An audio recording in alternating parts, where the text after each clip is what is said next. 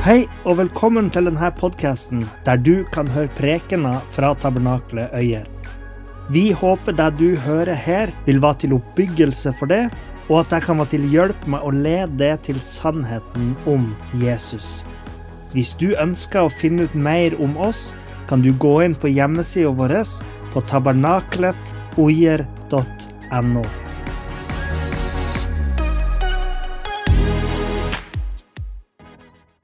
Så i høst her i menigheten så har vi holdt på med en prekenserie som handler om noen bøker som heter Første og andre Samuels bok.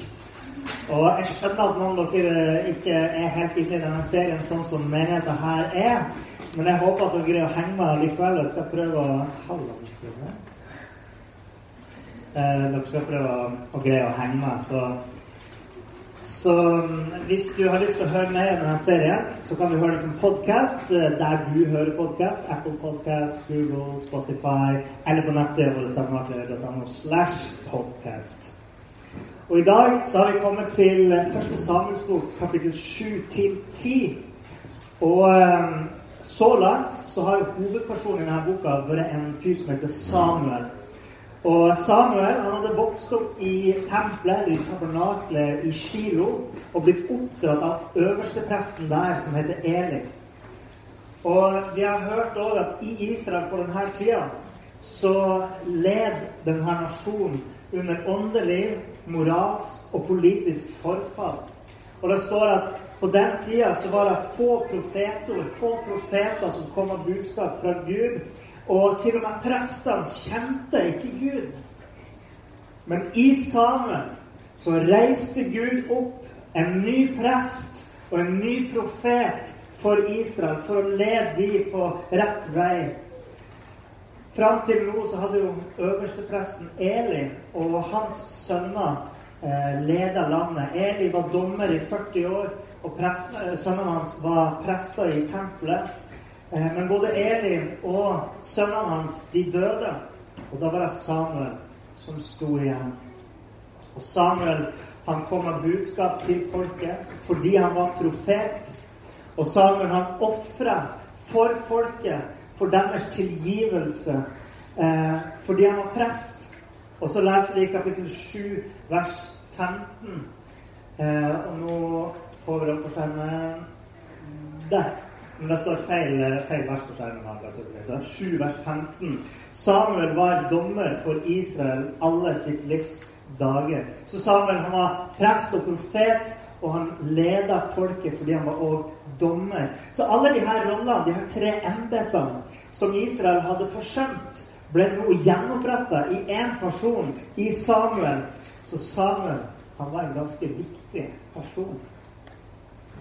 Under hans ledelse så tok de tilbake de byene og de landområdene som israelittene hadde mista til filistene. Og i tillegg så ble det fred i landet under hans ledelse. Så ting hadde blitt mye bedre enn der de var før. Og når Samuel ble gammel, så bestemte han seg for å la de to sønnene sine ta over som dommere i Israel. De heter Joel og Abia. Og nå bare sånn med arvelig lederskap, som Samuel gjør her. Det hadde ikke fungert så veldig bra i Israel før. Litt før eh, Samuels tid så var det en eh, dommer som het Gideon. Og han utnevnte sønnen sin Abimelek til å være dommer. Men Abimelek han prøvde å gjøre seg sjøl til konge i Israel. Og det hele endte i borgerkrig. Og i begynnelsen av første Samuelsbok så leser vi om øverstepresten Eli og hans sønner, som kalles ondskapens sønner, for der de drev med i sin tjeneste som prester. Så hvem er Samuels to sønner? Da leser vi eh, første Samuelsbok 8.3. Nå skal vi faktisk til 8.3. Men hans sønner vandret ikke på hans veier de bøyde av etter urett vinning, tok imot bestikkelse og forvrengte retten. Så Samuels sønner viste seg å være korrupt. De viste seg å, å dømme urettferdig og misbruke rollen som dommere.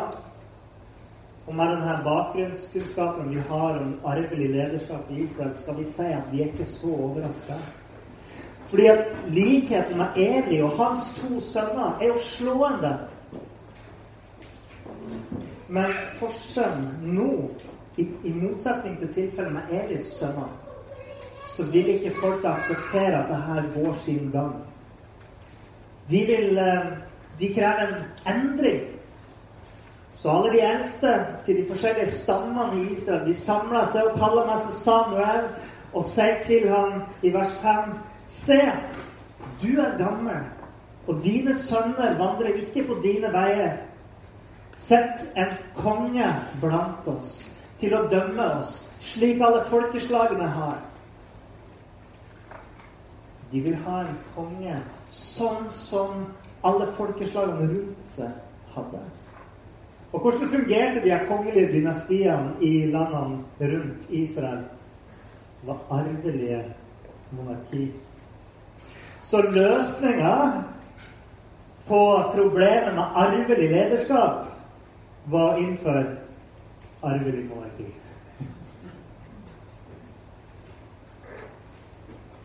Samerne tok det her veldig tungt. Og det kan vi jo forstå. For under Samuels lederskap så hadde de jo som sagt hatt en lengre periode med fred. Shalom. Det var jo deres, deres drøm å ha fred med folkene rundt seg. Men pga. sønnene til Samuel så ville de nå òg forkaste Samuel som leder. Så Gud sa til Samuel i vers 7 Det er ikke deg de har forkastet, men det er meg de har forkastet, for at jeg ikke skal være konge over dem. Israel hadde allerede en konge. Gud er den som blir forkasta som konge. Så Gud han korrigerer Samuel. Sant? Altså, det er klart Samuel som dommer mister jo sin øverste posisjon, altså posisjon som øverste leder på denne tida. Så Samuels lederposisjon forkastes. Men Samuel var ikke en konge. Hadde ikke de rettighetene, hadde ikke den makta som en konge hadde. Og eh, Derfor så sier Gud det her. Dypest sett, egentlig, er det Gud som forkastes. Det er han som har vært Israels konge. Det var Gud som ledet israelittene ut av slaveriet. Han har gått foran dem i krig. Det var han som erobra landet for dem. Det var han som hadde gitt dem loven, som hadde utpekt dommere for å håndheve den. Det var han som hadde hjulpet dem. Det var han som hadde vært nådig mot dem. Gud var kongen. Det han vi forkaster.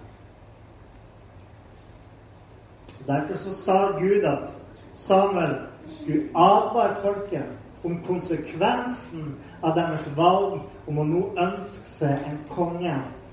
Og han skulle advare dem om hvilken makt denne kongen ville ha over dem, og hvilken betydning det ville ha for deres liv. Og Derfor så sier han fra vers 10 at kongen skal ta deres sønner og døtre han skal ta Han skal ta det beste fra avlingene deres. Og han skal ta en tiendedel av kornet og vinavlingene deres. Han skal ta tjenerne, tjenestepikene, de beste unge mennene og eslene deres. Og han skal ta en tiendedel av småfeet deres. Med andre ord denne kongen kommer til å bli en konge som tar og tar og tar og tar. Og ikke engang nevner seg en ting som denne kongen vil gi dem. Og resultatet er det som står i slutten av vers 17. Dere skal være tjenerne, eller slavene hans. Folket trodde at en konge ville være bra fordi at det var det de trengte. Men Samuel han ender denne talen sin til folket med en profeti i vers 18, der han sier og den dagen skal dere rope på grunn av denne kongen som dere har utvalgt for dere. Og det er ikke et jubelrop. Men på den dagen skal ikke Herren høre på dere. Så de var advart.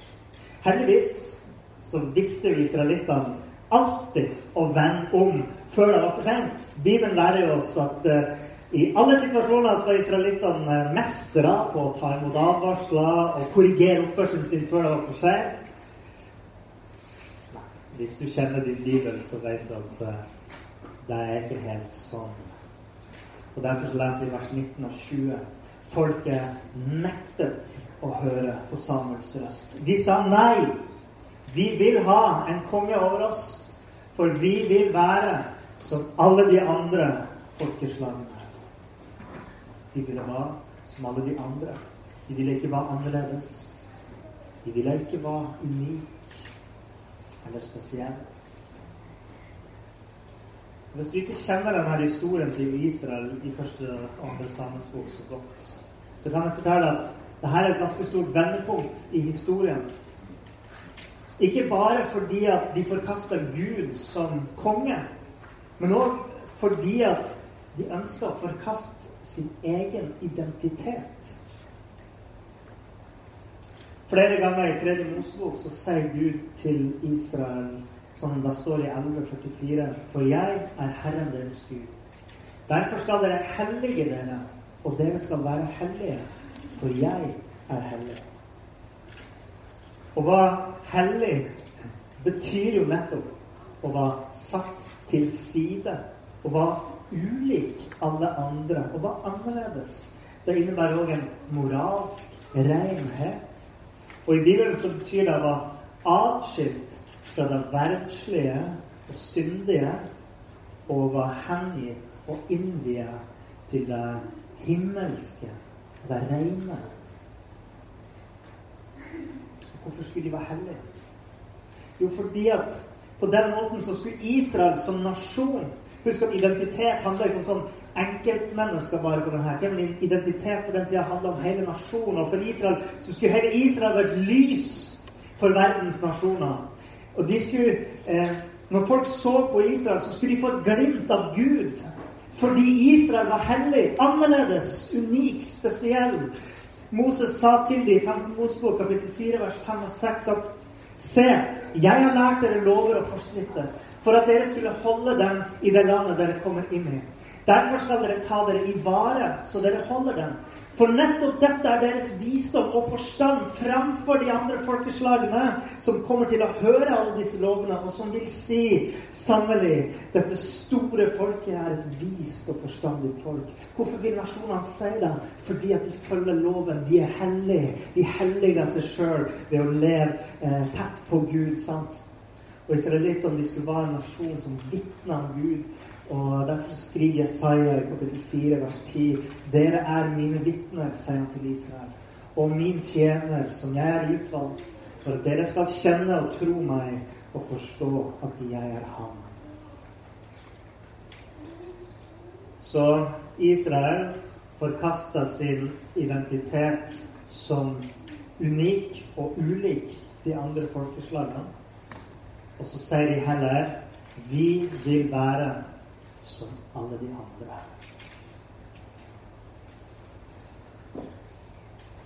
Gud hadde forutsett det. Han hadde forutsett at de ville be om en konge. Og eh, ja eh, Først og fremst sier at uh, Gud han sa 'sett en konge over dem' til Samuel. Samuel fikk den oppgaven. Om Gud hadde tidligere forutsett at Israel kom til å be om en konge. Og Derfor så, så sa Moses i 5. Mosebok 17,14.: Når du kommer inn i det landet Herren din Gud gir deg, og du tar uh, landet uh, til eie og bosetter deg i det, og du sier 'Jeg vil sette en konge over meg, som alle folkeslagene omkring meg', så 500 år før Samuel levde, så sa Moses akkurat det som skjedde her i Samuels bok. Men så følger det en rekke regler for hvordan denne kongen skulle være. Og vet dere hva?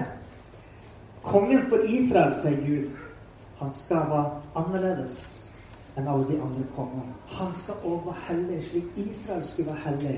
Og, eh, og derfor så gir ikke Gud Israel tillatelse til å få seg en konge som alle de andre, sjøl om han hadde forutsett at de kom til å be om en konge. Så Gud han sa de kunne ha en konge, men han skulle gjøre sånn og sånn og sånn. Men han hadde ikke gitt tillatelse til å få en konge som alle de andre. Og sjøl om folket vender ryggen til Gud, så betyr det ikke at Gud vender ryggen til dem. Og derfor så lar han de det som de vil. Og han gir dem en eh, konge som uh, uh, Vi kan lese om i kapittel 9 og 10, som heter Saul. Og man kan lese der om hvordan han blir utvalgt som konge. Men samtidig så bruker Gud det her som en mulighet til å lære folket ei lekse. Fordi Gud han gir dem akkurat der de vil ha.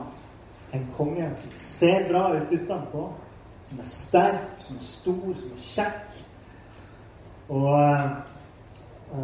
og det var jo det de ba om. De ville ha en konge som kunne gå ut i strid sammen med dem, gå foran dem. Som så sterk ut.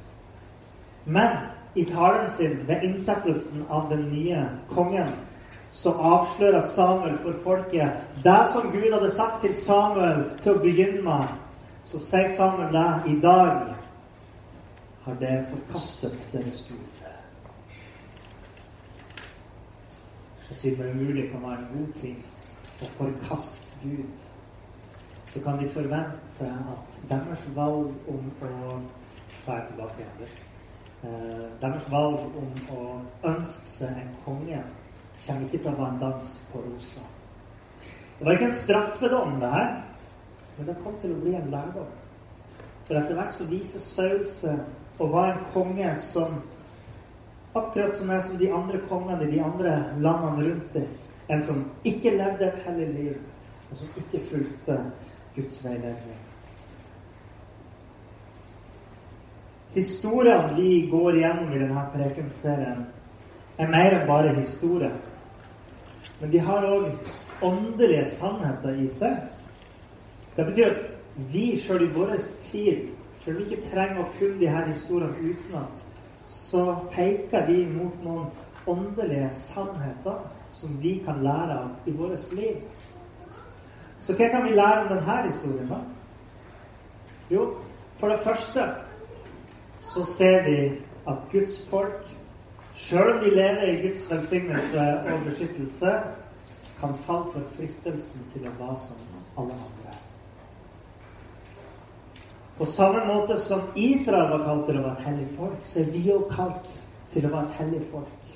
Alle mennesker er kalt til å være Guds barn og ta imot Jesus som frelser og var et hellig folk. Hør ikke Peter si om de kristne i 1. Peters brev, kapittel 2, vers 9 og 10. Men dere er en utvalgt slekt et kongelig presteskap, et hellig folk, et eiendomsfolk. Så dere skal forkynne Hans underfulle storverk. Dere som før ikke var et folk, men nå er Guds folk. Alle som tror at Jesus er vår frelse, er Guds eiendomsfolk. Og som Israel skulle vært lys for nasjonene i sin tid, så skal vi være et hellig folk som et lys for andre. Det betyr at alle Det betyr ja, Det er derfor Paulus sier i Rombrev 12,2.: Bli ikke dannet lik denne verden, men bli forvandlet ved fornyelsen av deres sinn, så dere kan prøve hva som er Guds gode, velbehagelige og fullkomne vilje. Vi er ikke kalt til å være lik alle de andre, men vi er kalt til å bli forvandlet ved denne troen på Gud da, som vi har i oss. Og det er et valg som vi må gjøre hele tida Å være og ikke være som alle de andre. Hvem er det du vil ligne på? På kollegaene dine? Naboene dine? Vennene dine? Lærerne dine, kanskje? Kanskje ikke. Popidolene dine?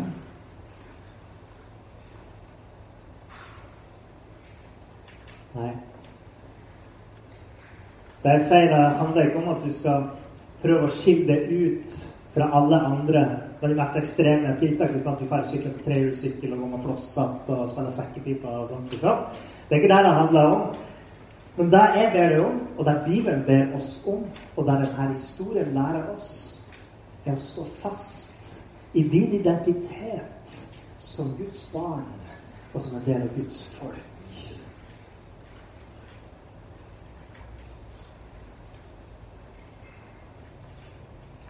Ta en titt på de her guttene her. Vi skal se en liten film.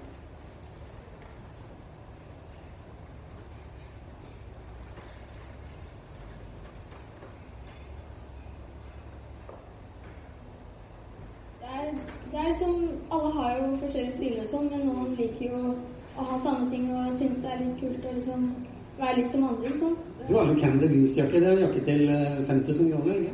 Jo, det er jo Ja. Jeg vet ikke. Det, det går foreldrene deres greit med på. altså. Ja. Ja. Tidligere hvis dere ikke okay, vi kan, skal stoppe den der.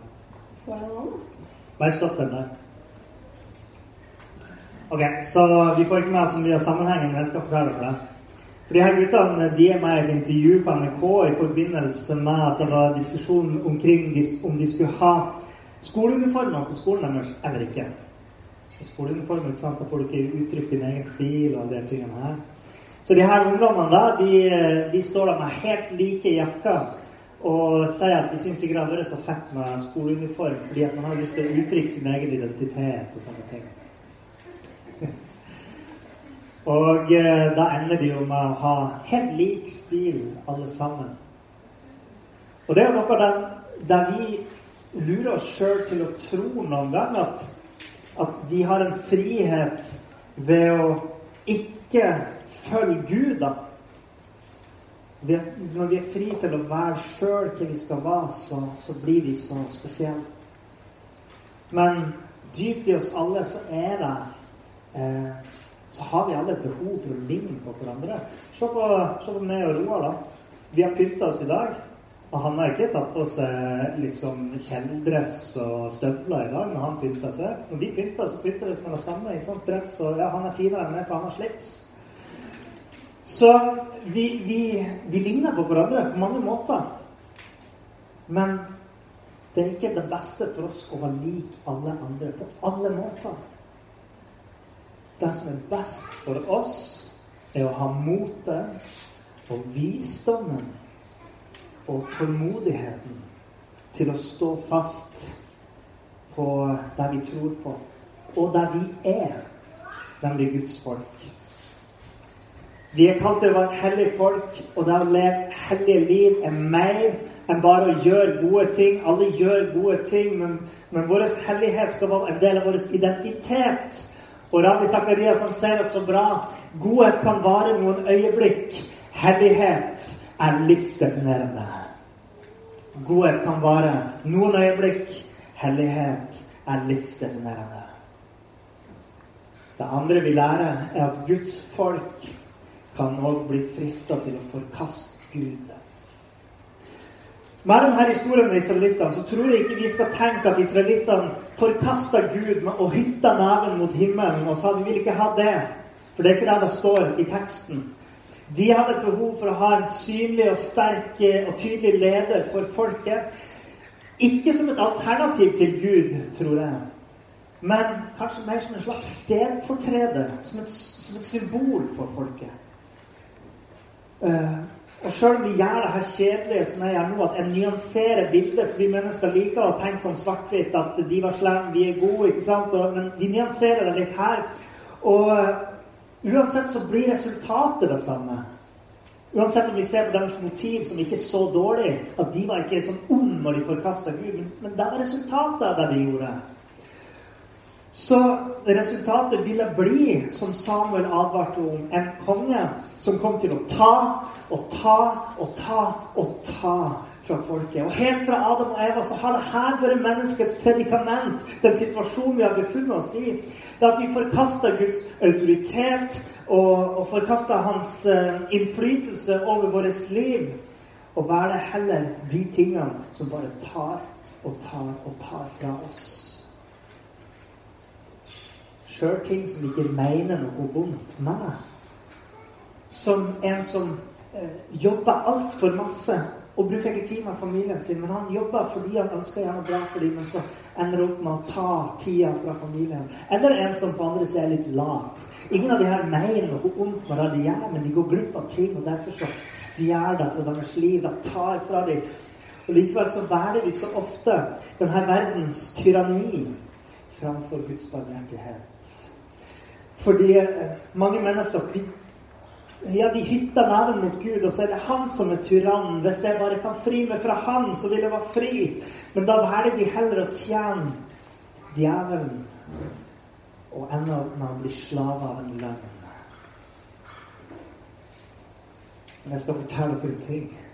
Vår frihet, den ble kjøpt av Jesus. Den er billig for oss. Den er gratis for oss, for alle oss som tror. Men for Jesus var den dyr. Han ga sitt liv for oss. Det står i Markus 10, 45, for menneskesønnen kom ikke for å bli tjent, men for selv å tjene, for å gi sitt liv som en løsepenge for mange. Tenk for en konge Jesus er. Helt ulik de menneskelige kongene som samler en skatt, som, som, skal ha folkets ære og alle de tingene her, som tar tienden. Men Jesus kom ikke for å bli tjent, men for sjøl å tjene oss, og for å gi sitt eget liv for oss. Og Jesus er annerledes enn alt annet som vi ønsker å henge oss til i denne verden, fordi at Jesus sa i Johannes 18, 36, 'Mitt rike er ikke av denne verden'. Jesus er av det himmelske. Han er kongen i Guds rike, som overgår alt i vår verden. Og han er kongen vår. Og jeg vet ikke om du forventer deg når du kom her på sånn, sånn konfirmasjon, eller tenteravslutning, som vi kaller det.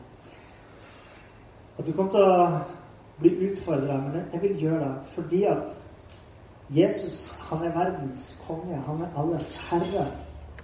Hvorvidt du ønsker å bøye kne for ham eller ikke. Men jeg vil si at han har en åpen invitasjon. Han har gitt sitt liv for det. En konge som gir alt for det. Og han tar imot det med åpne armer hvis du vil la han komme inn i ditt liv og frelse det og løfte opp. Og til slutt Guds folk er kalt til å være lys for verden. Akkurat som Israel skulle vært lys for nasjonene, som jeg sa, så, var, så er vi kalt til å være lys for andre mennesker. Og det innebærer å leve hellige liv og ha Jesus som vår konge og stå fast i sannheten om at Jesu liv, død og oppstandelse er svaret på vårt dypeste og mest intense læreslag. Så kan dere ta med dere det og tygge på det.